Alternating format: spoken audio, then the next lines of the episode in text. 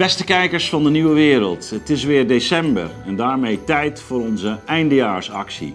Steun ons en klik op de link hieronder. Welkom bij de Nieuwe Wereld. Mijn naam is Marlies Dekkers en mijn gast vandaag is Jan Dirk van der Voort.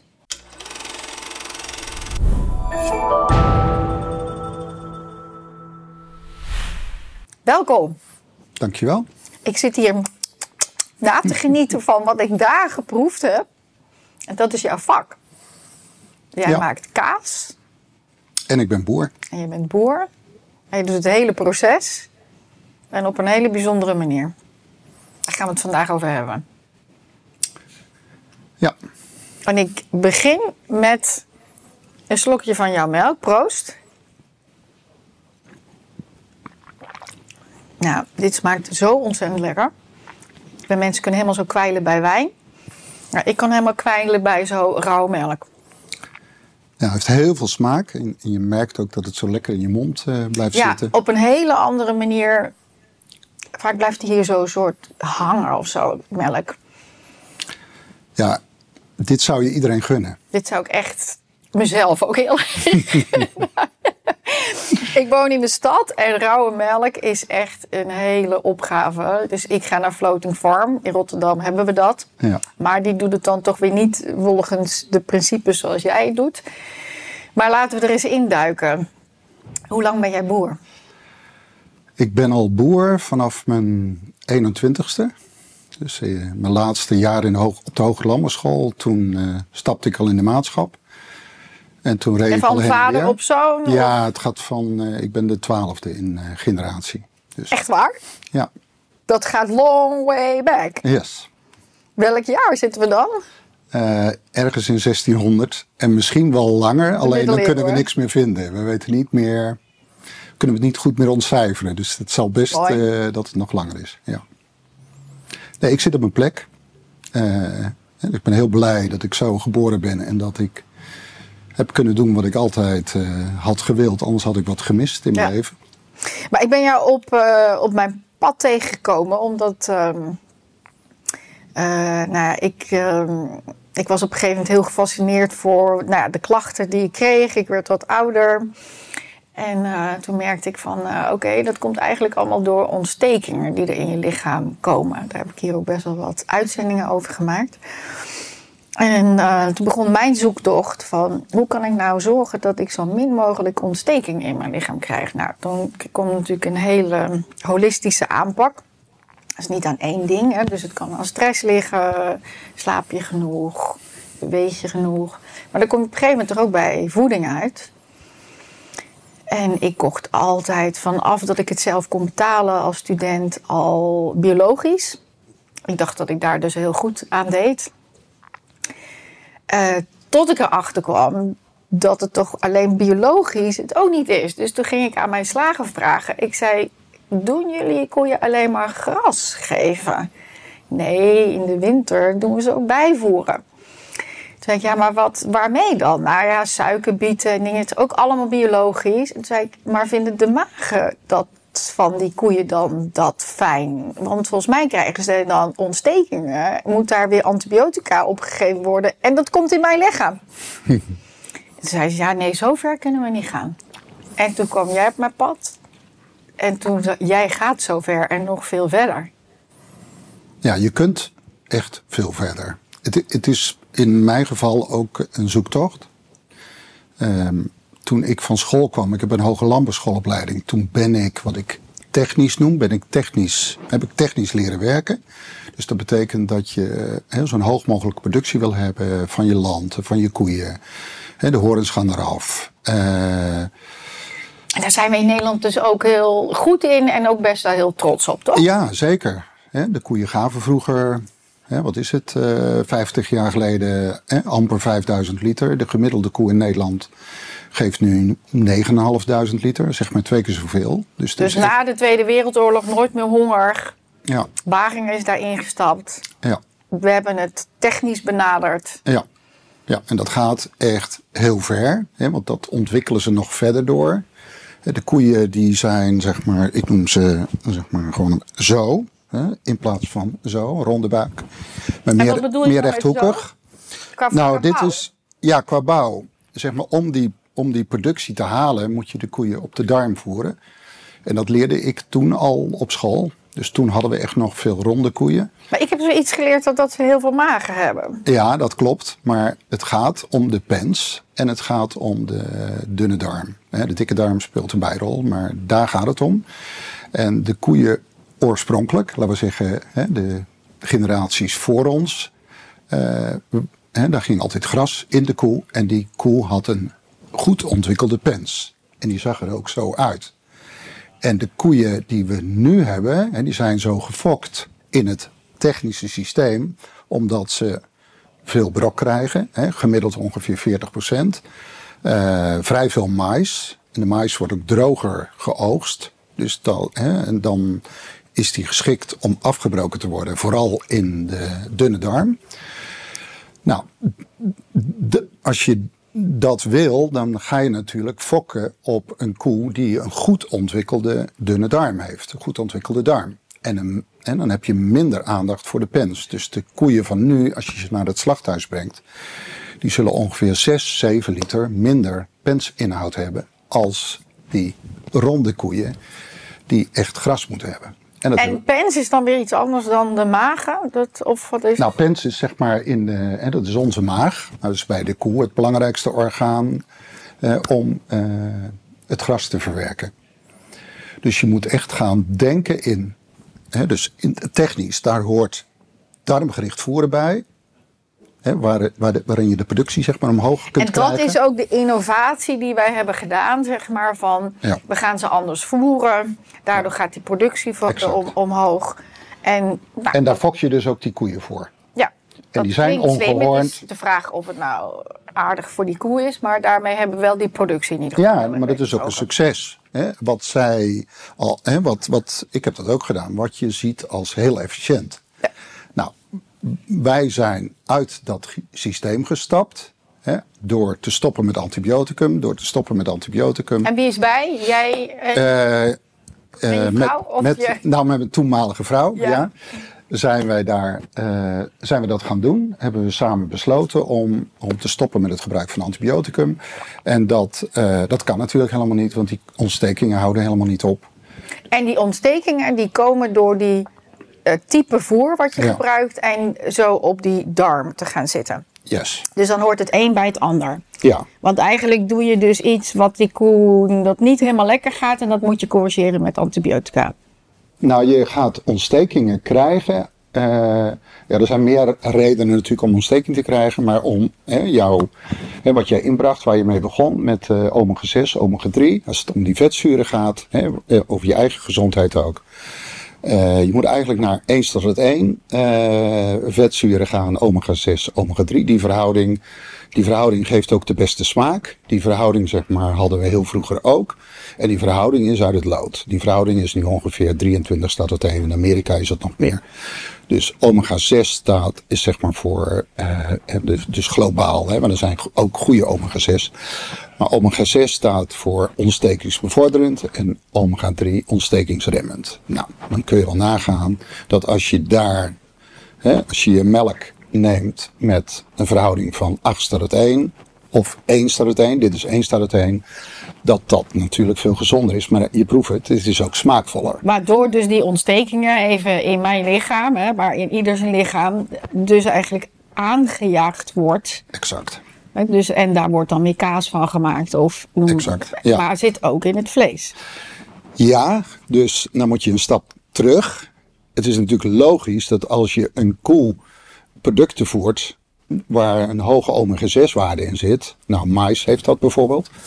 Mais is 30 staat tot 1. Dat is logisch dat als je dat aan een koe voert, dat dan het in de melk ook veel hoger is. Maar de koe heeft er dus ook last van. Maar we hebben dus nooit zo gekeken. Dus we hebben eigenlijk vooral gekeken van zoveel mogelijk en niet gekeken naar Ja, ehm, wat is nou goed voor mens en dier. ja. Maar dat was natuurlijk ook waarschijnlijk omdat we dachten, ja, maar dan kunnen we niet genoeg mensen voeden. Ja. Ja, en het is ook, ik zie het ook als een eh, systeem gebeuren. Dus dat je echt gewoon, ja, dat je allemaal, zeg maar, eh, dezelfde kant op gaat. Zo heb je het dat- geleerd. Zo heb je het geleerd. En ook dat mensen met een, hè, die met een ander geluid komen, of wetenschappers met een ander geluid, die krijgen vaak geen podium. Hè, dus best wel, er is best wel gezegd van, is dit wel de goede weg?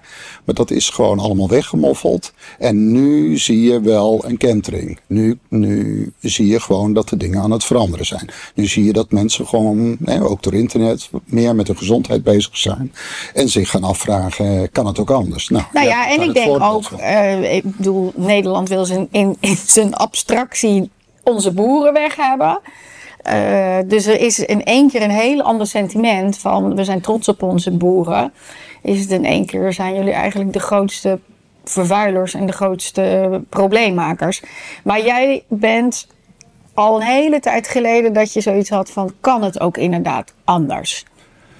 Ja, maar ik, terug naar dat we stopten met het gebruik van antibioticum. Daar zit toch echt wel wat aan vast. Want ik wist eigenlijk ook niet goed wat ik daarna moest doen. Dat was gewoon eigenlijk geen kennis. Want we, Nee, wanneer spreken we, wanneer dacht je nou, dat negen- 19 jaar geleden.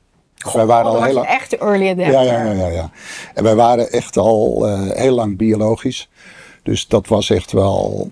Hè, dat werd ook niet begrepen. Dus ik heb, wij hebben het antibioticum echt gewoon zo meegegeven aan het personeel. Dus je was al biologisch, maar toen dacht je, we gaan de volgende stap maken. Ja, ja, ja. En dan? ik heb gewoon, ik ben gestopt met antibioticum. En het antibioticum, daar kun je mee stoppen, maar de problemen houden niet op. Dus je moet gewoon, en je kunt de VS ook niet meer bellen, want Die weet ook je niet. staat eigenlijk met lege handen. Dus toen dacht ik van nou, wat, eh, het is een rode vlag. Hè? Ontsteking is een rode vlag. Dus welke rode vlaggen heb ik nu gemist bij de koe? Dus toen dacht ik, oké, ik moet nu eerst, hè, wat, hoe kan de koe het mij vertellen? Wat, hè, wat spiegelt eigenlijk de koe? Toen dacht ik, Letterlijk weer je oor te luisteren ja. bij van, Ja. wat gebeurt hier? Exact. En toen dacht ik, de beste spiegel van de koe is zijn poep. Ja, daar zit wat in. Ja, dus toen dacht ik, de poep die ik nu heb, die is niet goed verteerd. Die stinkt, hè, ruikt ammoniakaal, is niet als een zalfje. Eh, dus hoe kan ik dat anders doen? En toen dacht ik van, oh, als we die koeien nu eens op de pens gaan voeren. Dat betekent dus gras eh, en haver bijvoorbeeld. Hè? Dus geen brok meer en geen mais. Dus de mais en de brok gingen eruit. En toen startte de productie een derde in. En toen werd thuis op de boerderij echt iedereen bang. Want we hadden een derde minder kaas. Ja, dat Dan is, zie je dus ook eh, als dat het- ondernemer krijg je het dan Ja, natuurlijk wel ja, benauwd. Welke weg ben ik hier aan het inslaan? Ja. Maar, Je bleef staan. ja ja, want ik nam iedereen mee het land in. En toen de koeien lieten in alle talen zien, je bent goed bezig. En wat, wat zag je? Nou, de ontstekingen liepen terug, waar het, hè, waar het ook om te doen was. En je zag gewoon veel actievere koeien. Die, waren, eh, ja, die lieten gewoon zien van, joh, baas, dit Misschien moeten wij zelf ook vaker naar onze eigen poep kijken. Dat is inderdaad echt een graadmeter. Dat is absoluut een graadmeter. En echt is ook een hele goede. Ja, om er überhaupt over te praten. Maar daar zit Nou, dat was een hele goede waarheid. geweest. Als ik nou poep meegenomen had, dan Ja. had je het kunnen zien. Want die poep van nu is dus prachtig verteerd. Is mooi. En poep is vaak bruin. Die van ons is groen. Eh, en hij stinkt niet. Hij ruikt gewoon naar gras. Dus als ik een excursie heb, dan altijd pak ik de verse poep. Ja. Laat ik het ruiken. En dan, eh, ja, dan overtuig je echt daarmee eigenlijk iedereen Ja, ja. En het is zo ongelooflijk logisch. Maar ik zou je wel vertellen, daar zijn maar heel weinig mensen die dit zo doen. Dus we zitten eigenlijk met z'n allen hier. Terwijl het kan dus totaal anders, wat ik natuurlijk noem. Hè, door de dieren totaal anders te voeren. Maar dan moet je gewoon. Maar dat was nog maar het begin. Want zover was mijn kennis, mijn beperkte kennis. Ja, dat is maar inderdaad dat je het dus begin. inderdaad, hè, dus jij bent eh, die granen eruit gaan gooien, vooral op gras. Hè, want wat, hoe dan in de winter? Gedroogd? In de winter krijgen ze hooi. En hooi is heel belangrijk. En kauwgras. Hè, dat is dus wat je wint in de zomer en wat ingekuild is. En ze krijgen een klein aandeel geplette granen, maar weer gewoon de ouderwetse, wat tegen gras aan zit. En dat is haver. We zijn een enorme fan van haver. En een heel klein beetje rogge. Dus dat krijgen ze in de winter. En dan gaan ze al drie jaar op rij 15 maart naar buiten, zeg maar half maart. Dat is heel erg vroeg. En dan heeft het ongeveer 10 dagen, twee weken nodig. Want die pens er zitten bacteriën in die gewend zijn aan het wintervoer. Die moeten dus wennen nu aan het verse gras wat er staat. En dan gaan ze over op het verse gras. En dan gaan we ongeveer 1, 2 april gaan we over op 100% vers gras zonder enige bijvoeding. En dat is dus deze kaas. Dit ik is heb de hem kaas. geproefd. Dus gewoon, dit, dit, dit gaat echt heel ver. Want je zou in die kaas zelfs kunnen zeggen dat het microbioom van de bodem is het microbioom van het gras. Want wij, wij doen verder niets. Er gaat alleen een beetje steenmeel op. Dat is eh, basalt eh, gemalen uit de bergen. Eens in de drie jaar gaat er een kleine gift op. Want je haalt natuurlijk wel iets af als je kazen verkoopt. Nou, en eh, we doen potstalmest op het land, maar ook heel weinig en heel stroovrijk. En dat doen we in de winter, dat is echt alle bemesting. En dan kunnen de koeien dus in het voorjaar dat gras eten, wat dus gevoed wordt uit de bodem. Feitelijk is de bodem het mycorrhiza-netwerk. Ja, daar gaan we het zo nog over hebben. Want de bodem is ook een groot onderdeel. Dat is een, precies. Maar dan eten ze dus gewoon gras wat aantoonbaar uit de bodem komt. Dat gras, daar geven ze melk van. Ze worden niet bijgevoerd. Nou, de horens, daar gaan we het zo ook over hebben, spelen daarbij een belangrijke rol. Dan krijg je dus een fantastisch product. Hè? Eh, de melk. En En de kaas. die, ja, en nou komt er nog een heel belangrijk onderdeel, is dat we de melk niet bewerken. Wij zijn nog, we horen bij de laatste 50 echte rauwmelkse kaasjes die er nog zijn. Dus je, je moet die essentie die in de melk zit, daar moet je natuurlijk niks aan doen. Dan is het een levend product met enzymen en al. Hè, dus de, Ik drink het ook zo graag, want ik weet, dit gaat mijn darmen eh, helemaal lekker gezond maken. nou, dat is gewoon darmtuinieren. Het is echt is darmtuinieren. da- darmtuinieren. Eh ja, en dat. eh, ja, dat, dat, het, er, zit, er zitten zo gigantisch veel stammen in. die feitelijk uit de bodem komen. En dan gaan jullie die... Dan maken we de kaas. Nog even dan tussendoor, voor we verder gaan in deze geweldige eh, masterclass. Het kaasboek, dit zijn dan dus ook... Deze heeft een prijs gewonnen, dit boek. En Ja. dit zijn dan dus die 50 die nog echt... Nee, dit zijn. eh, want dat is in Nederland. In Nederland hebben we er nog 50. In het buitenland is het ook enorm eh, veel minder geworden. Hier is het dus echt gedecimeerd. Toen ik begon hadden we er nog 500. We zijn nu nog met 50 over. En eh, we hebben ze nog in Frankrijk, we hebben ze nog in Italië. Nou, de allerbeste, die, die hebben een eigen hoofdstuk geschreven in het boek. Ja, ik, ik wil echt een enorm pleidooi houden. Gewoon dat we dit niet verloren laten gaan. We zitten hier in Leiden. Hè, de, jullie maken een fantastische sleutelkaas, rauwmelks. Er zijn er ook nog maar een paar van over. Eh, heeft heel veel historie. Eh, ja, dit soort producten is echt voor je darm, echt darmtuinieren. Die moeten echt... Als je eh, gezond wil worden, exact. moet je echt, dan is dit echt een medicijn. Maar we zijn natuurlijk zo gaan denken dat je. Bijvoorbeeld, mijn vader, die ziet mij rauwe melk drinken. En die zegt: Pas op hè, voor de eh, gekke koeienziekte. Weet dat ook alweer?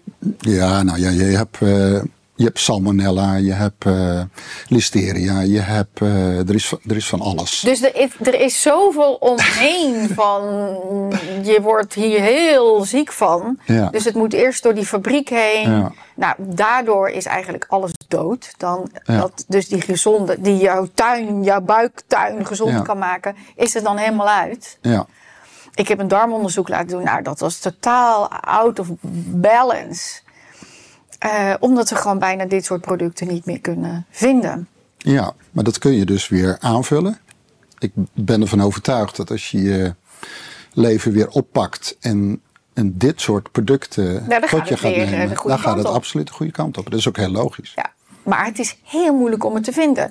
Maar goed, alle componenten die het dan dus maken dat je dit uniek product hebt. Dus jij stopte met die antibiotica. Dus vooral gras gevoerd, een klein beetje bijvoeren met haver. En Ja, ik ben, ik ben echt de koeien gaan observeren. Dat begon dan met de poep. Dus ik, ik was altijd al boer. Ik- dacht ook dat ik een goede boer was. En we waren notabene al heel lang bio, biologisch. En toch had ik nooit echt goed naar die koeien gekeken. Dus ik ben toen toen dachten we, nou jongens, moeten we die horens nog van die kalfjes halen? Hè? Als dit de natuurlijke weg is. Als Want waarom je, doen we dat eigenlijk? voor efficiëntie. Hetzelfde. Ook. Ja, dat is efficiëntie. Je, hebt- je Waar kunt dan, het nodig? Ja, maar je kunt dus nu in lichtboxenstallen. Ik had ook een lichtboxenstal. Daar kun je natuurlijk op hè, zoveel vierkante meter veel meer koeien kwijt. En als je de horens eraf haalt, dan kan dat. Maar als je de horens erop laat, hè, dus als, je, de kalveren niet meer onthoornd worden, dan, eh, ja, dan moet je wel ruimte maken. En dat kan niet met een boksenstal, want als een koe in een box staat, kan die niet weg. En dan kan de andere koe hem zo lek prikken met zijn horen. Dus je moet eh, letterlijk, zeg maar, open ruimte maken. En, en wij hebben het rond gemaakt. We hebben een, echt een mooie ronde stal gemaakt, omdat als je vanuit de koe gaat denken en gaat eh, eh, ontwerpen ook. Dan, nou, ik kon in ieder geval moeilijk meer gewoon in rechthoekig denken. En dat komt gewoon omdat ik ja, vanaf dat moment me helemaal ben gaan verplaatsen in de koe. En lukte me dat gewoon niet meer. En toen werd die stal dus ook rond. Dus we hebben een rond gedeelte aan de stal gebouwd die we al hadden. En alle boksen zijn eruit gegaan. Dat is allemaal stro geworden. En die, dat heet een potstal. Toen we dat deden, had je nog ineens een hit met eh, internet. Moet je nagaan, dat was helemaal weg. Nu wel hoor. Maar zoiets heet een potstal. En dat past dus ook in dat natuurlijke systeem. In dat technische systeem is dat ondenkbaar. Want je kostprijs gaat wel door die verbouwing van die grotere stal. Hè, je moet veel meer ruimte maken. Om te liggen al 10 vierkante meter per koe. Dat is best veel en het kost ook veel. Dus in dit technische systeem kunnen ze de kostprijs daardoor, hè, je goedkope melk in de supermarkt, 6 cent verlagen. Of je zou kunnen zeggen, wie gaat die gehoorde koemelk drinken uit dat natuurlijke Wat systeem? was jouw intuïtie om dat toch eens uit te proberen? Eh, bij mij is heel veel intrinsiek. Dus dat, dat begon al met die antibiotica. Kan ik zelf ook niet helemaal goed verklaren. Maar wel dat ik het gewoon niet meer kon. Ik had echt zo. Ik ging beter naar mezelf luisteren. Ik kon het gewoon niet meer. En, en de resultaten waren er ook. Hè? Dus die ontstekingen liepen terug. Ja, En- maar dan, ga je, dan denk je, kan je ook zeggen, hoera, ik heb het goed gedaan. Maar dan ga je nog een stap verder, weer opnieuw investeringen maken. Ja, ja, ja, dat is ook de aard van het beestje. En dat, dat is ook gewoon, eh, maar dat hoort ook bij ondernemerschap, vind ik. Dus de ondernemer die is nieuwsgierig en die denkt van, eh hey, die ziet kansen, die ziet mogelijkheden. Eh, Ja, ik vind het geweldig, maar in Nederland is het niet meer heel erg gewaardeerd, vind ik. Ja, dat- Maar, eh, dat- dat klopt. Jij bent in ieder geval... Ik ben, het, ik ben het gaan doen, maar ik had twee jaar de tijd om een nieuwe stal te ontwerpen voor de koeien. Twee jaar immers. Als kalfjes niet onthoornd worden, dan zijn het niet direct koeien. Dat duurt twee jaar, dus ik had twee jaar de tijd. En de bank zei ook, eh, reken me dat eens voor. Ja, die zag dat ook helemaal niet zitten. Nee, dat is natuurlijk bij de bank zie je ze al helemaal voor me. Ik heb ze ook zo vaak aan tafel. Dat vinden ze natuurlijk, wat is dit nou voor verhaal? Ja, maar zij kunnen dan weer niet bedenken dat je afnemers bereid zijn om anderhalve euro per kilo kaas meer voor de kaas te betalen. Kijk. En dan wordt het een ander verhaal. Ja.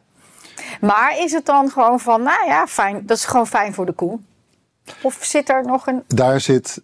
Daar, hele wereld achter? Ja, ja, ja. Dus dat stuk is zo ongelooflijk belangrijk om te begrijpen waar het naartoe moet. En dat is natuurlijk de bodem. Want uiteindelijk moet je dus naar de bodem. En dit is de schakel naar de bodem. Hier gaat er magie gebeuren. Hier gaat er magie gebeuren, want het gaat echt ook goed aflopen. Want als je. Ehm, het gaat zeg maar in. En want je pakt eigenlijk, je lost eigenlijk ook alles op. Hè? Dus je, je ammoniakprobleem, eh, alles los je eigenlijk op. Met welk onderdeel? Nou, met het onderdeel potstal. Ook met, met de- Nee, we hebben al het onderdeel gehad van de voeding? van de voeding. Dus iedereen kan snappen dat als je niks ruikt, dat daar geen ammoniak aan de zit. poep die ruikt anders. Ja, dus je gaat de koe zo voeren. Hè, dus moet je wel deze ronde koeien hebben in plaats van deze. Dus je moet ze ook zo fokken. Dat heeft ons misschien wel het meeste geld gekost. Omdat ik dat ook niet wist. Dus wij veranderden het systeem met deze koeien.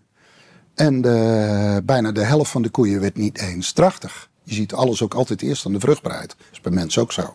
Als het niet helemaal goed zit Ja. Dan, eh, dan valt zwangerschap niet mee. Dus wij zagen koeien die helemaal niet tochtig werden. eh, zeker niet drachtig. Dus die moesten we uitselecteren. Maar we hadden, deze koeien, we hadden wel van deze koeien, gewoon bij de oude koeien. Dus daar zijn we stieren van aan gaan houden. En dat kostte een heel aantal jaren om vanuit eigen stieren deze dieren te fokken.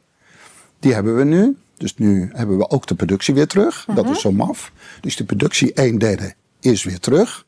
Wat, ik, wat we hadden. Maar wel met deze dieren die eigenlijk niemand meer heeft. Want iedereen heeft nu dit. Want dit systeem is vrijwel alles. Ook bio. Is dat? Ja, nee, daar kwam ik bij Bio mijn eigen is dit ook. slager achter. Ja, ja, ja, bio is dit ook.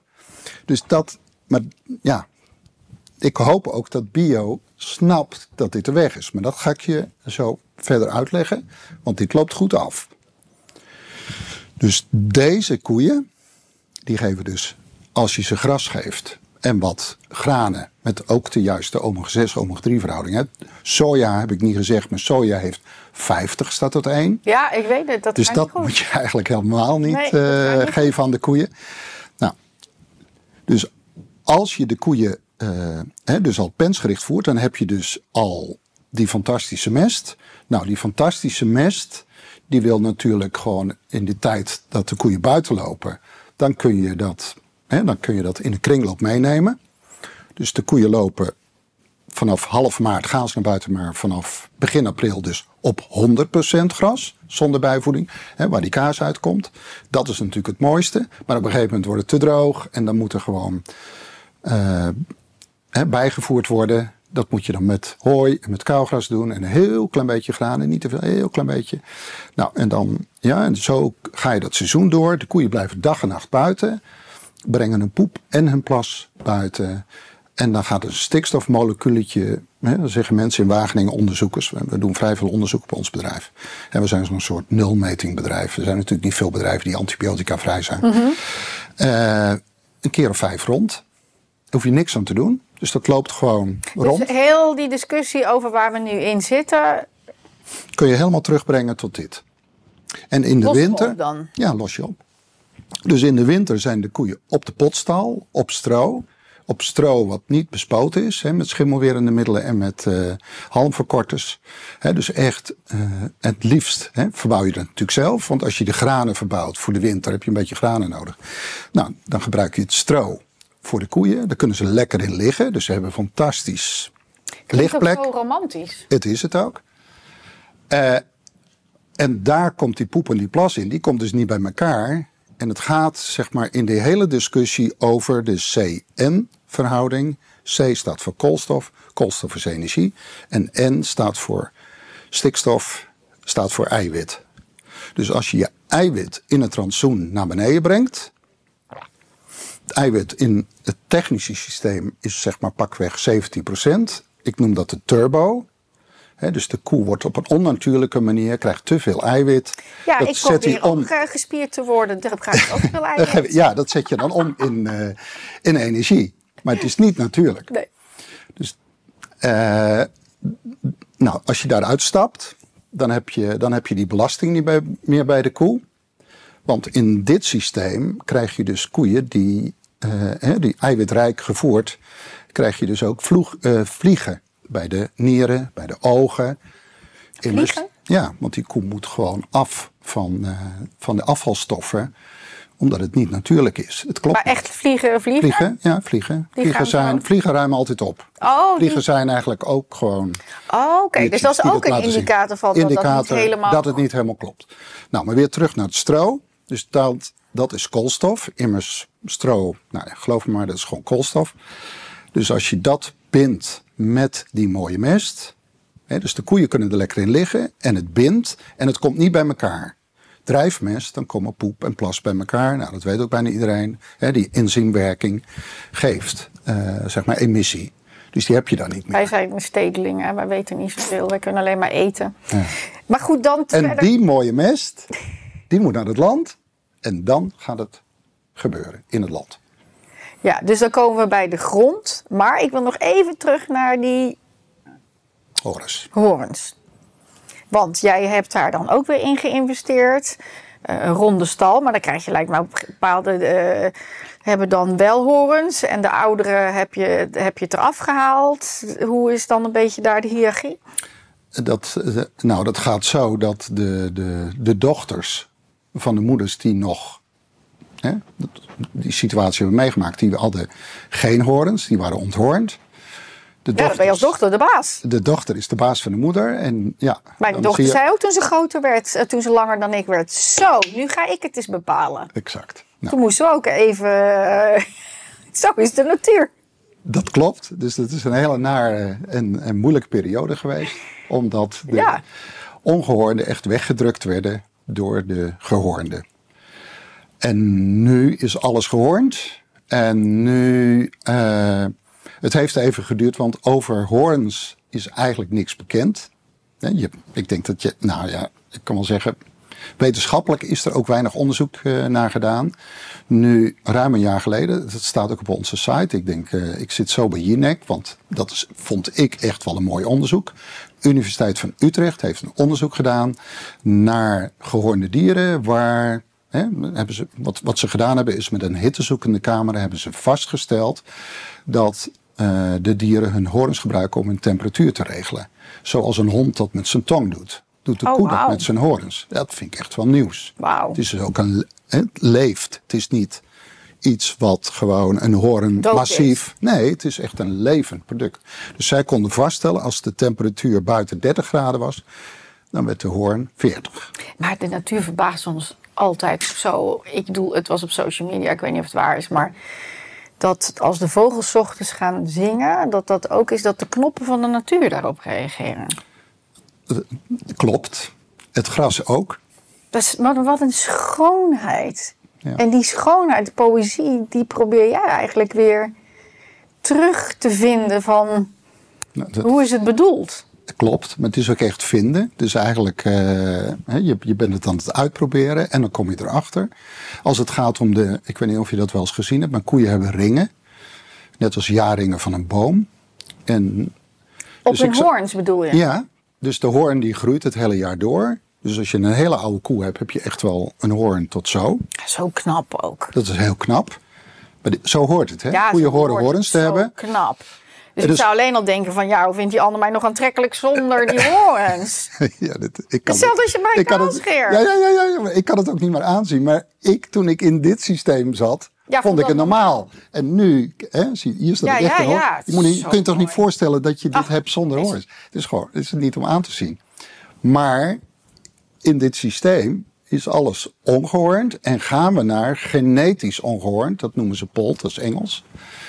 En Nog makkelijker. ja, maar als ik je nou vertel dat genetisch ongehoornd dominant is, dan is dit toch een heel groot experiment.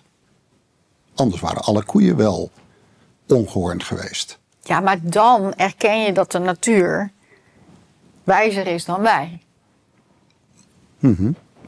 Maar dat, je gaat het nooit van de natuur winnen. Nee, maar dat is natuurlijk wel de hele discussie. Wij denken natuurlijk dat wij allemaal slimmer zijn dan de natuur. Ja, nou, dat gaat ons niet helpen. Ik hoop dat we ervan leren. Ik heb er in ieder geval van geleerd. Want als Eigenlijk ook humble, hè, bescheiden, Ja. gewoon kijken. ja, ja, precies. Weer En terug. mooi dat het toch ook, dat je af en toe dan ook onderzoekt, omdat we er allemaal zo aan gehecht zijn. En het ook natuurlijk toch weer wel heel erg qua leren is. Dus de temperatuur wordt erdoor gereguleerd. Is er nog iets wat die hoorns doen? Nou, die ringen, daar is geen eh, wetenschappelijk bewijs van. Maar dat is gewoon logica. Als ik het je uitleg dan, en, en je ziet het, dan Ik moet je het het nu wel nog geloven. niet weten hoor. Dus ik denk, ja, ringen. Nou, die ringen, dat kun je zien, die ontstaan als de koeien hoogdrachtig zijn. En ik weet niet of jij het weet, misschien, eh, maar toen jij hoogzwanger was, elk kind een tand is een gezegde. Nou, mijn Toen- moeder is al haar tanden kwijtgeraakt. Ja, Die heeft drie kinderen. wat, we hebben een, eh, wat gedaan met een eh, tandarts, Beekmans, een bekende tandarts. Die vertelde dat ook. Dus als vrouwen hoogzwanger zijn, omdat die baby zo hard groeit in de buik, die halen dan mineralen uit hun tanden voor de baby. De koe doet dat vanuit haar horens. En dan ontstaat een ring. Immers, die horens groeien maar door, pakweg zoveel in een jaar. En dan ontstaat een kleine groef, omdat hij de mineralen eruit haalt, letterlijk, voor haar kalf. Dus je kunt precies tellen hoe vaak ze gekalfd heeft. Je telt de ringen. Nou, meestal zijn ze twee jaar oud als ze voor het eerst kalveren. Kun je de leeftijd ook ongeveer schatten. Maar als ze dus die horens niet heeft, omdat ze polt is of omdat ze onthoornd is, hè, wat vrijwel altijd gebeurt, want we hebben echt nog maar enkele duizenden koeien in Nederland die gehoornd zijn. En als polt doorzet, dan hebben we straks vrijwel geen koeien meer die gehoornd zijn. Plus, hè, Maar we verzwakken dan toch het ras? ja, maar wat er letterlijk gebeurt is dat het kalf voorrang krijgt. Dus het kalf gaat voor.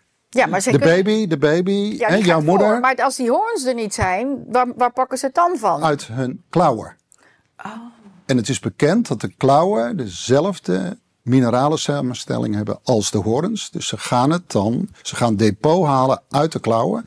Die verzwakken ze, die trekken ze leeg. Dat is heel onnatuurlijk, want een hele lange weg, helemaal naar de klauwen. Maar goed, ze hebben geen horens, dat kan niet. Dus dan halen ze daar depot. En wat ze, één op de drie koeien in Nederland wordt klauwgerelateerd geselecteerd. Dat is het technische systeem. En wat is dan klauw gerelateerd geselecteerd? Nou, voor de slacht. Oh, als ze dus problemen krijgen met die voeten. Nou, dan, dan lopen ze slecht. En dan gaan ze Oh, minder dus voer er in één keer heel veel muntjes op zijn plek. Exact. Van waarom krijgen ze daar zoveel problemen? Ja, ik had het ook. Ik had ook echt, ook met mijn jerseys die betere klauwen hebben, hadden wij ook klauwproblemen. Ik had een voetbad waar de koeien elke, elke twee weken, tien dagen, twee weken, door een bad formaline moesten lopen. Omdat die Om dat klauwen... op te lossen. Ja, maar zo blijven we natuurlijk bezig. Ja, ja, dat klopt. Dat Maar is dat dus... doen we met onszelf ook, hè? Ja, ja, ja, ja, ja. Maar dit is wel wat het is. Dit is ons systeem. Wat een verhaal, joh. Ja, nou, daar kwamen wij achter. Want wij hebben dus werkelijk, we hebben dus geen voetpad meer. We hebben helemaal geen klauwbekappingsrituelen meer. Gewoon nul. Hè? Dus er wordt bij ons geen enkele koe klauwgerelateerd afgevoerd. Gewoon nul. Nee, want ze haalt nu weer uit de hoorns. Exact. Ik snap het nu. Dank je. Oké, en dan komt nog iets moois, is... Ik ben de boter vergeten, ik had eigenlijk een beetje boter mee. Oh, nee, want daar kun je het echt aan zien. Ja. mm, Boter. Ja, maar je hebt wel ghee. Ja, ik heb wel. Geklaagd Maar boter. ja, dat klopt. Maar eh, het vet van de melk van gehoornde koeien, ik, ik heb het echt zelf meegemaakt. Ik wist het echt niet.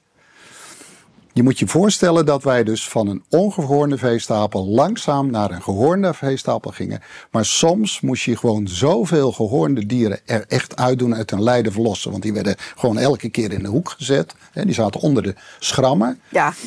En dan was je blij dat je weer wat gehoornde dieren had die de veestapel inkwamen. En we zijn ook minder koeien gaan houden. Want dat, hè, we zijn gewoon minder koeien gaan houden, maar wel gehoornd. En dus op een gegeven moment, ik weet het nog heel erg goed. Want als je kaas maakt, dan heb je altijd een beetje vet wat, bovenop de, wat naar boven drijft, zeg maar. Vet wil altijd omhoog. Dus als je kaas maakt, heb je dat vet dan een beetje aan je vingers. En dat, hè, dan, dat lik je wel eens af. En dat was nooit lekker. Daar kon je eigenlijk niks mee. En kun je je voorstellen dat er een dag kwam, Dat je daar... echt. En, ik, wij waren, en met de koffie, we waren allemaal stom verbaasd. En de volgende keer was het, en dan zeker zo lekker. Vanaf het een naar het andere moment. En toen gingen we gewoon zeggen, van, wat is hier eigenlijk gebeurd? Oh, we hebben tien koeien, maar er gingen toen tien koeien uit. En er is zoveel, kennelijk was die balans van gehoorde, on, eh, ongehoorde koemelk naar gehoorde koemelk omgeslagen. En toen ben ik gewoon gaan googlen. Dan vind je alleen in Duitsland gehunte koeien. Daar weet ik nog, toen vond ik het. En daar werd heel weinig hoor. Je kunt er, kon er bijna niks van vinden. Maar daar werd het wel gezegd. En toen zeiden we, zie je wel. Er is dus veel meer aan de hand dat we weten met gehoorde koemelk. En nou weet ik natuurlijk gewoon hoe het zit. Ik- en anders ik kun je heb, niet eh, in zo'n boek komen. Nee, maar ik heb, ik, ik, heb dan ook rauwmelkse eh, eh, boter. En dan is dat nog niet helemaal volgens jouw principes. Maar dat smaakt al gelijk zoveel beter. Ja, Dus laat staan met heel jouw verhaal. Maar dan, want we rennen door de tijd heen. De bodem. Want daar doe jij ook nog iets mee. Volgens mij heb je ook met een kruiden... nou, wat moet er goed? Arts of iets. Nou, ik werk met Dus- een kruidenman. Deze kruidenman eh, is iets ouder nog als ik, maar die heeft zoveel Net zo ervaring. jong als jij. nou ja, die, is, eh, die, die, die heeft dus als onderzoeker ooit, het is een halve Duits, een halve Nederlander, heeft hij, uh, nou, hè, die weet, heeft best nog wat kennis uit de jaren tachtig. Toen ook over de horens. Ik heb best wel wat dingen die ik van hem geleerd heb. Maar wij heb zijn. jij zijn naam genoemd? Hubert Kramer. Ja. Hubert Kramer heb ik heel veel aan te danken nog steeds. Die man die slaapt maar vier uur per nacht en die werkt ook op zondag door. En die wil de wereld redden En die met heeft zijn kruiden. zoveel energie. Die heeft- eh, nou ja, dat is, dat is, het is ongelooflijk. Eh, Het is een hele bijzondere man. Maar hij komt dus uit een kruidenfamilie. Zijn moeder was kruidendokter. En, hè, Ook een hele generaties. Ja, generaties. Eh, ik, ik zeg wel eens, het is de laatste kruidenman van Europa. Die ongelooflijk veel kennis heeft over kruiden. Maar ook over koeien. En ook over horens. En ook over eigenlijk alles. Wij wilden, ik wilde geen wormmiddelen meer gebruiken. Wormmiddelen zijn normaal in de, hè, om dieren te ontwormen. Dat doe je met hè, honden en katten ook. Maar wormmiddelen werken zo goed dat ze ook in de bodem gewoon een disaster zijn. Ze maken alles kapot. Dat wilde ik niet meer. En toen stuitte ik dus op kruiden van deze man. En die zou, dat zou dus kunnen. En toen ben ik daarmee begonnen met kruiden voeren. En dat gebruiken we. Hè, dat is ons een belangrijke reden dat eh, de koeien ook geen antibioticum meer nodig hebben. Want ze hebben helemaal geen ontstekingen meer. En dat lossen we heel veel op met die kruiden. Heb ik aan hem te danken. maar nu- kruiden, staat dat dan tussen het gras of dat is een bundeltje? Kruiden staan in het gras, want wij ploegen al meer dan 30 jaar niet meer. Dat is gewoon helemaal niet meer geploegd. Dat is heel erg belangrijk, want we gaan nu naar de bodem. Maar er staan volop kruiden in, maar dat is niet genoeg. Je moet toch wel supplementeren. Wij doen dat gewoon met bakken in het land, waar het in zit. En je hebt weken dat ze bijna niks gebruiken, maar je hebt ook wel eens een, dat het na twee dagen op is. Dus ik zie het als een vorm van zelfmedicatie. Het zijn 40 soorten kruiden. Rozemarijn, tui, uimen, uien, knoflook, mariadistel, weet je dat. Dat soort Ook allemaal goed voor ons, volgens mij. allemaal goed voor ons. En nou, dat werkt fantastisch. Maar nu de bodem. Want dat is eigenlijk waar alles eindigt. Dus voor mij, zeg maar, moet je beginnen bij de koe. Door de koe anders te voeren. Hè, dus pensgericht. En met horens, dan moet je wel je stal aanpassen. Dus naar een, meer een potstal met stro. Krijg je dus andere mest. Gaat dat allemaal lopen. Nou, en je moet, we moeten denk ik naar gras. Hè? Dat, moet ook gewoon zo. Dus dat is logisch. Maar we moeten ook stoppen met ploegen. En als je dat doet. Ja, ik, ik ben echt maar een, een domme stedeling, hè. Maar ploegen deden Ploegen we is toch dus voor... de grond- Ja, dat weet ik. Maar dat deden we toch voor lucht in de grond te krijgen? Of Nou, dat, waarvoor deden we, doen we dat? nou, dat, ik moet het heel kort houden. Dat, dat doe je gewoon omdat jij een grasmengsel inzaait uit een catalogus. En er is nooit een goede relatie met de bodem. Dus je ziet dat na een jaar of zes, zeven. Is die grond uitgeput? Nee, nee, nee. Dan zie je dus dat gewoon het grasmengsel in die bodem niet klopt. Dus je ziet dat de grassen die jij bedacht hebt gewoon verdwijnen. En er komt onkruid, er komen allemaal grassen die je niet wil. Vervolgens ga je weer ploegen. Dat deed ik ook altijd in dit systeem. Maar ik heb het nu over een systeem waarin je, natuurlijk systeem waarin je dus niet meer ploegt. En waardoor je door die periode heen moet. Dus je moet door een periode van onkruid en ellende. Ook had- daar heb jij gewoon weer recht teruggehouden. Van nou, dat ja, mag maar dat, gebeuren. dat hield ik ook bijna niet meer vol. Dat begrijp ik. Want dat was echt heel erg zwaar. Het was ontzettend zwaar als je, als je gewoon hele lage opbrengsten hebt. En als op een gegeven moment gewoon, eh, want dat ziet iedereen natuurlijk. En je hebt je nog geen perspectief. Misschien zit je wel fout. Ja, ja, ja, ook. Maar je- we kregen gewoon eh, eh, eh, makelaars op de stoep. Die dachten dat de boerderij te koop was, want die zagen al het onkruid. En die hadden al gehoord. Hè, Gaat niet zo goed daar. koeien. Nee, dat gaat niet zo goed. Die is, die is van het padje af. Ja, dat is van het padje af, ja, dat. En, maar als je daar doorheen komt, en kijk, dat zie je echt in alles terug. Alles kan weer goed. Dus ook met jou. Ook met rauwe mijn darmen, dan herstelt en dan Alles komt weer. weer terug. Dus wat wij nu zien is dat de klavers misschien al vanaf de middeleeuwen die daar horen, dus niet bedacht uit die catalogus. Maar al het oude is teruggekomen. En die horen daar. En die verschimmelen niet. En die blijven. En die groeien. En die lopen in die kringloop mee. En wat er dan ontstaat is. Ik vraag het in elke excursiegroep. Maar ik weet niet of jij wel eens van mycorrhiza gehoord hebt. Maar Nee. Nee, je weet ook niet hoe je het schrijft. Hè? Maar Nee. dat is met een y en met twee z's. Nou, dat is echt... Dat is een schimmel die start in de wortel van het gras. In het bos is dat ook. dus je hebt twee grote bomen bij elkaar. Misschien heb je het wel eens gezien. En een klein boompje, die krijgt helemaal geen licht. Die wordt gevoed door het mycorrhiza-netwerk van die grote die die kleine willen laten groeien. Dat mechanisme, dat... Ja, maar dat mechanisme van de mycorrhiza komt dus, wordt dus steeds duidelijker hoe het zit. Ja, het is echt een soort storytelling onder de grond. Hè? En ze helpen elkaar en voeden elkaar. Die boswachter uit Duitsland die heeft daar ook een heel boek over geschreven. Die, dat precies. Maar dat is dus ook met grasland. En dat is het internet van de grond. Dus onder de grond is het een soort koopmanskunst. De suikers, die, de, het gras haalt CO2 uit de lucht. En met zijn bladeren heeft hele kleine huidmondjes aan de onderkant. Dus de mineralisatie van de bodem geeft CO2. Dus die plant vangt dat allemaal op, het gras. En die maakt daar suikers van. En die suikers moet hij voor een derde afgeven aan de mycorrhiza het mycorrhiza-netwerk. En het mycorrhiza-netwerk levert hem alles. Dus mangaan, Ja, een soort logistiek netwerk die zegt, jij moet dit, jij krijgt dat. Zo. Exact. Dat kunnen we ons niet voorstellen, nee, omdat, we niet, nee, maar omdat we het niet kennen. Maar we hebben het ook niet. Ik had het ook niet. Dit krijg je pas als je niet meer ploegt.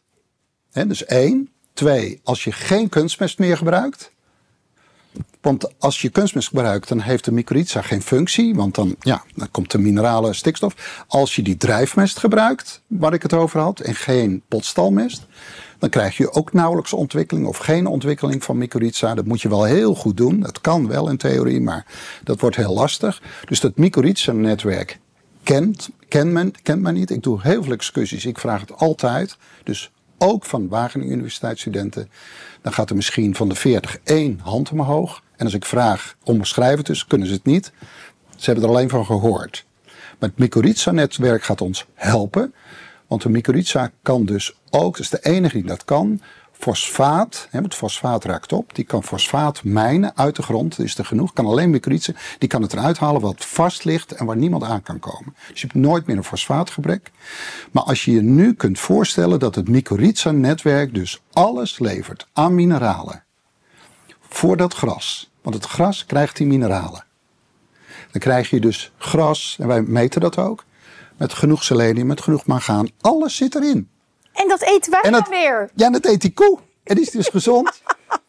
nou, en want ik denk dat je naar een afsluiting wil. Want ik wil goed eindigen. Wij beginnen, sinds dat de energiekosten uh, zo opgelopen zijn, vaak onze excursie.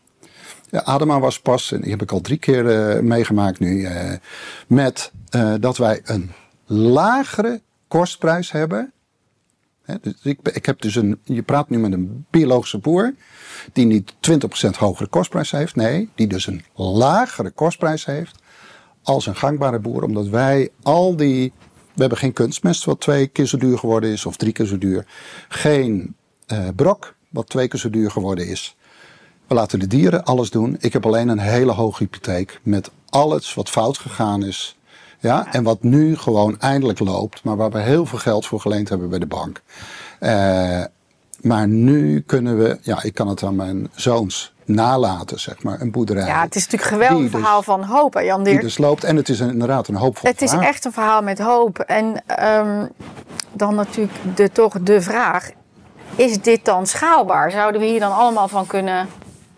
Natuurlijk. Want dat is natuurlijk altijd wat gezegd wordt van als je het op die manier doet, dan haal je de schaal niet. Ja, maar we exporteren nu gewoon 70% van onze melk, of 80%. Ja, maar eet ook iemand van. Dat is ook een beetje. dat snap ik, dat snap ik. Maar wij leven nu met acht, inkom, acht, inkom, acht gezinnen van nee, 95 koeien. Acht. Dat is gigantisch veel. Dat lukt ons. We maken een product wat gewoon niet aan te slepen is. En wat steeds meer mensen gaan ontdekken dat het wat doet voor duintuinieren. Nee, ik ben het daar natuurlijk helemaal eens. Ik ben helemaal jouw We willen alleen maar meer. We willen alleen maar dat meer ben... boeren dit systeem kiezen. En jij geeft me nu podium om het hier uit te leggen. Ik weet het. En ik Wordt ben nog gekker. Ik ben helemaal jouw klant. Ik zit in, in, de, in de spot. Maar zouden we dit zeg maar uit kunnen rollen? Dat dit zeg maar op een gegeven moment voor een grotere, grotere groep. Want dat zijn altijd de tegengeluiden. Ik ben er nu één dag in de week mee bezig. Ik begeleid nu 15 boeren. Of nou ja, goed, we doen het dan met elkaar. Ik zie wel, Kijk, het is een systeem. Je moet ook echt in systemen denken. Je kunt er eigenlijk niet Uit. tussen zitten. Nee, is en je kunt er bijna niet uit. ja. En daardoorheen, dus hier doorheen, heeft ons ongelooflijk veel geld gekost. Dit is dus echt een heel groot probleem. Om, om dit te doen. Plus dat je je natuurlijk los moet maken van de agribusiness. Die gewoon natuurlijk wel blij is dat hij die brok kan verkopen. Ja, er zitten en de medicijnen en alles. belangen- dus er zijn belangen allerlei belangen. Ja. Maar dit is zo ongelooflijk logisch. En we gaan gelijk minder koeien houden dan. Want je koeien moeten kloppen bij de grond. Immers, als je naar 100% gras gevoerd wil, dan ga je natuurlijk niet heel veel meer koeien melken. Dus je moet gewoon dan terug. Ja, het moet Met het aantal kloppen. koeien, de dingen moeten kloppen. Maar dan kun je dus een systeem maken wat uiteindelijk een lagere kostprijs heeft als deze, dit systeem, hè, wat de productie in, in één generatie zeg maar verdubbeld heeft. En wat prat gaat op wat ze kunnen. Maar wat doordat de energiekosten zo opgelopen zijn, nu zien dat ze heel kwetsbaar zijn. Ja, en toch ook onze eigen gezondheid. Hè? Dus, want het gaat nou ook weer niet zo heel erg goed, denk ik, met de algemene gezondheid van de mens qua ontstekingen betreft. De smaak is fantastisch. Ja, dat is die omega 6, omega 3. Als die naar 1 tot het 1 gaat, krijg je zo goede smaak. heerlijk. Maar je lichaam zegt dat ook. Ja, Dus maar ook wat jij zegt hè, over zwanger worden, ook daar zit natuurlijk hè, in die vetten. is voor vrouwen heel belangrijk. Maar goed, ik ben geen arts. Maar dat is wel wat mij verteld, eh, verteld eh, wordt door artsen. Eh, Jan Dirk, ontzettend bedankt. En ehm, een prachtig verhaal. En eh, op allerlei vlakken. En ook als ondernemer, wat een doorzettingsvermogen. en ik zou zeggen, ga allemaal kopen. Snel je van die hypotheekschuld weghalen. dat jullie gewoon er ehm, zo snel mogelijk schuldenvrij zeg maar, eh, verder kunnen. Maar ik... ehm, Je bent nog iets vergeten, dat is dat bier. oh, wacht even. Ja, ik drink geen bier. Maar vertel even, terwijl ik hem toch een proefje doe. Nou- Wat een kleur. Nou, ja. Wat is dit? Jij noemt het bier, want het zit in een bierflesje. Maar is het bier? Ja, het is wel bier. Ruikt ook zo? Ja, maar dit is wei. Dus we hebben, normaal gesproken gebruik je water om eh, bier te maken. Dus je hebt, bij bier heb je de gerstennat. Ja, in dit geval hebben we spelt gebruikt eh, voor een eh, belangrijk deel. Dus daar een, iemand die we goed kennen, Tom, die heeft ons hiermee geholpen. Het idee om met wei iets te doen is al, leeft al heel lang bij ons. Wij willen zeg maar alles gebruiken. Wat is hebt- wij? Even. Wei, als je kaas maakt, heb je ook wei. Dat is overschot. Ja, dat ging altijd naar het eh, vee. En het vet halen we er nu al uit. Dat is die ghee. Ja, die ging- geklaarde boter. Ja, dat halen we er dus uit. Dat is 10% van het vet, van het oorspronkelijke vet. Nu halen we dus ook de eiwitten eruit. Dat is ricotta. Dan heb je verse ricotta.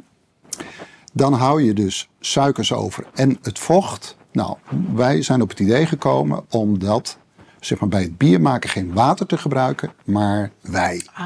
En dit is de allereerste, maar hij is nog niet klaar. Je moet nog verder rijpen, die blijft nog een poosje. Maar dit denken wij dat eh, Het volgende dat product volgende is. product is. En zodat nog meer, gebruikt wordt. jawel, meen dat nog meer mensen kunnen leven van deze boerderij. Dus niet acht, maar veertien misschien wel, of vijftien. Maar dan moet je dus heel anders gaan denken. Dus jouw vraag, zeg maar, van ja, maar hoe moet dat dan allemaal met elkaar? We kunnen dus veel meer benutten uit Uit die producten die. hoeveel eh, koeien Ja. zijn het ook alweer, zei het? 95. 95. En de grond kun je dus, en de grond die daarbij hoort. We hebben nu sinds kort dan nog wat meer grond. We hebben nu 100 hectare grond. Dus één koe per hectare. Hè, met houtwallen en heggen en weet ik allemaal niet. Nou, en dat. Maar je, no waste, hè? dus je kunt alles ervan gebruiken. En Mooi hoor. Daar, dat, eh, Ik dat moet is volgende project. afronden, want de volgende gesprek staat gepland. Goeie reis terug en ontzettend bedankt.